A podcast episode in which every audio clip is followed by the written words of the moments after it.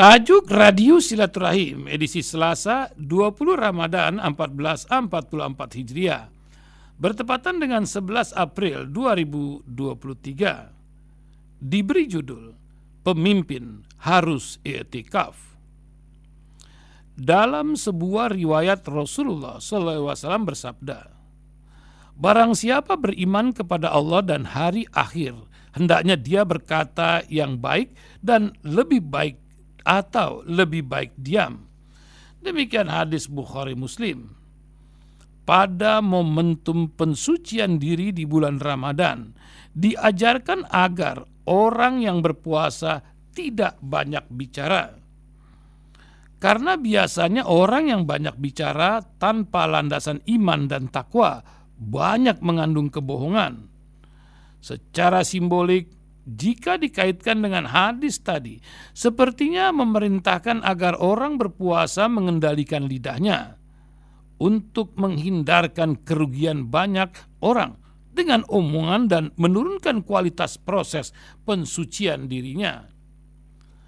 Ramadan mengarahkan pengamalannya, pengamalnya untuk belajar mawas diri. Banyak melakukan introspeksi di dalam dan terus ber, di dalam dirinya. Terus berusaha mengasah kepekaan mata batin. Maka pensucian diri akan lebih baik dikonsentrasikan untuk merenungi relung-relung terdalam jiwa, melakukan penginsafan dan lebih melihat diri sendiri secara objektif, jujur dan adil. Orang berpuasa memang sedang melakukan pertapaan. Momen Ramadan memerintahkan pencarian jawaban dengan terlebih dahulu menutup nafsu indrawi yang merupakan sekat tebal untuk menembus realitas diri dan sekelilingnya. Seseorang yang mengumbar nafsu tidak hanya mempengaruhi dirinya, tetapi juga keluarga dan orang di sekitarnya. Bagaimana jika hal itu dilakukan oleh seorang pemimpin? Pengaruhnya adalah terhadap banyak kebijakan yang berkaitan dengan hajat hidup orang banyak. Nafsu bicara jika diteriakan oleh tukang bakul di pasar hanya akan berpengaruh pada komunitas mereka. Tapi bisa dibayangkan ketika nafsu bicara diungkap oleh wakil rakyat, menteri, pemimpin partai, atau bahkan presiden, dampaknya dapat mempengaruhi stabilitas ekonomi, politik, dan keamanan. Meskipun semuanya berdalih untuk melakukan perubahan, karena itu, seorang pemimpin harus bisa membuka pintu pikiran yang jernih dengan kebeningan hati, mampu melihat carut marut realitas kasat mata dengan menggugah keprihatinan. Maka kesucian jiwanya harus ditempa dengan merenung proses pengangkatan Nabi Muhammad SAW yang terjadi di bulan Ramadan sebagai titik tolak perubahan sejarah yang nantinya beliau lakukan dapat dijadikan sebagai cermin Sejak muda, Nabi sudah sering merasa gelisah melihat realitas masyarakatnya, tetapi beliau tidak banyak berkoar-koar melihat kenyataan seperti itu. Sebaliknya, beliau menahan diri dengan menyendiri memikirkan kondisi masyarakatnya, dan ini termasuk di fase awal kenabian. Melakukan halwat, mengasingkan diri untuk mendekatkan hubungan dengan Yang Maha Kuasa diperlukan oleh siapa pun. Selain sebagai upaya introspeksi diri, juga untuk mempertajam kepekaan intuitif dalam menangkap pesan Tuhan dalam kehidupan.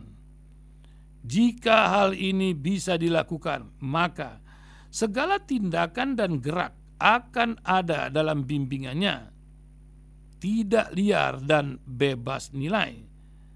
Dalam keseharian, hal ini bisa dilakukan oleh setiap Muslim dengan tahajud. Namun, pada bulan suci Ramadan, lebih khusus 10 hari terakhir, halwat dilakukan dengan etikaf di masjid. Etikaf dilakukan dalam rangka perenungan dan pensucian jiwa. Masjid adalah tempat suci. Segala aktivitas kebajikan bermula dari masjid hiruk pikuk yang menyesatkan jiwa dan pikiran dihindari agar memperoleh tambahan pengetahuan dan pengayaan iman. Di masjid, pikiran memperoleh kejernihan untuk merenungkan kondisi diri dan masyarakat dan paling penting, iktikaf adalah sebagai bagian dari upaya menyambut Lailatul Qadar yaitu malam kemuliaan yang akan memberikan perubahan bagi perubahan besar bagi perjalanan hidup seseorang. Iktikaf adalah puncak perjalanan pensucian jiwa di bulan suci yang diharapkan berujung dengan kembalinya jiwa kepada kefitriannya. Sehingga Perjalanan puasa sejak awal dengan mengekang berbagai potensi-potensi destruktif jiwa adalah menyiapkan diri untuk mampu beretikaf. Iktikaf memang aktivitas hanya bagi orang-orang yang ingin mensucikan diri. Karena itu, dilakukan di tempat suci, masjid, dan diisi dengan aktivitas-aktivitas suci. Konsekuensinya, meninggalkan semua yang merusak kesucian, baik pikiran maupun perbuatan.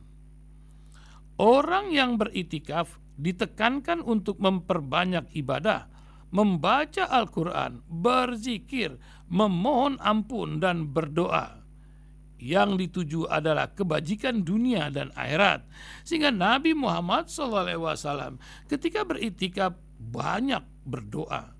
Wahai Tuhan kami, anugerahkanlah kepada kami kebajikan di dunia dan akhirat, dan peliharalah kami dari siksa neraka.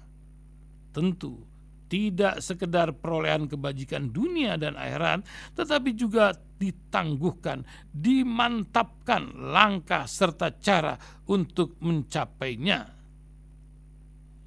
Berkaca kepada upaya Rasulullah SAW dalam mencari solusi persatuan umat melalui iktikaf.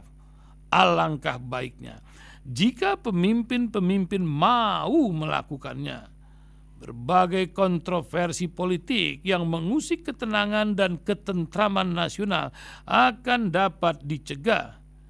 Statement, manuver maupun atraksi akrobatik politik yang tidak perlu dapat dihindari. Sebaliknya, melakukan iktikaf untuk memahami persoalan kebangsaan melalui perenungan yang jernih terhadap diri dan bangsa. Karena jangan-jangan sumber problem akut bangsa ini adalah para pemimpin yang masih dikuasai nafsu dunia. Wallahu a'lam bissawab.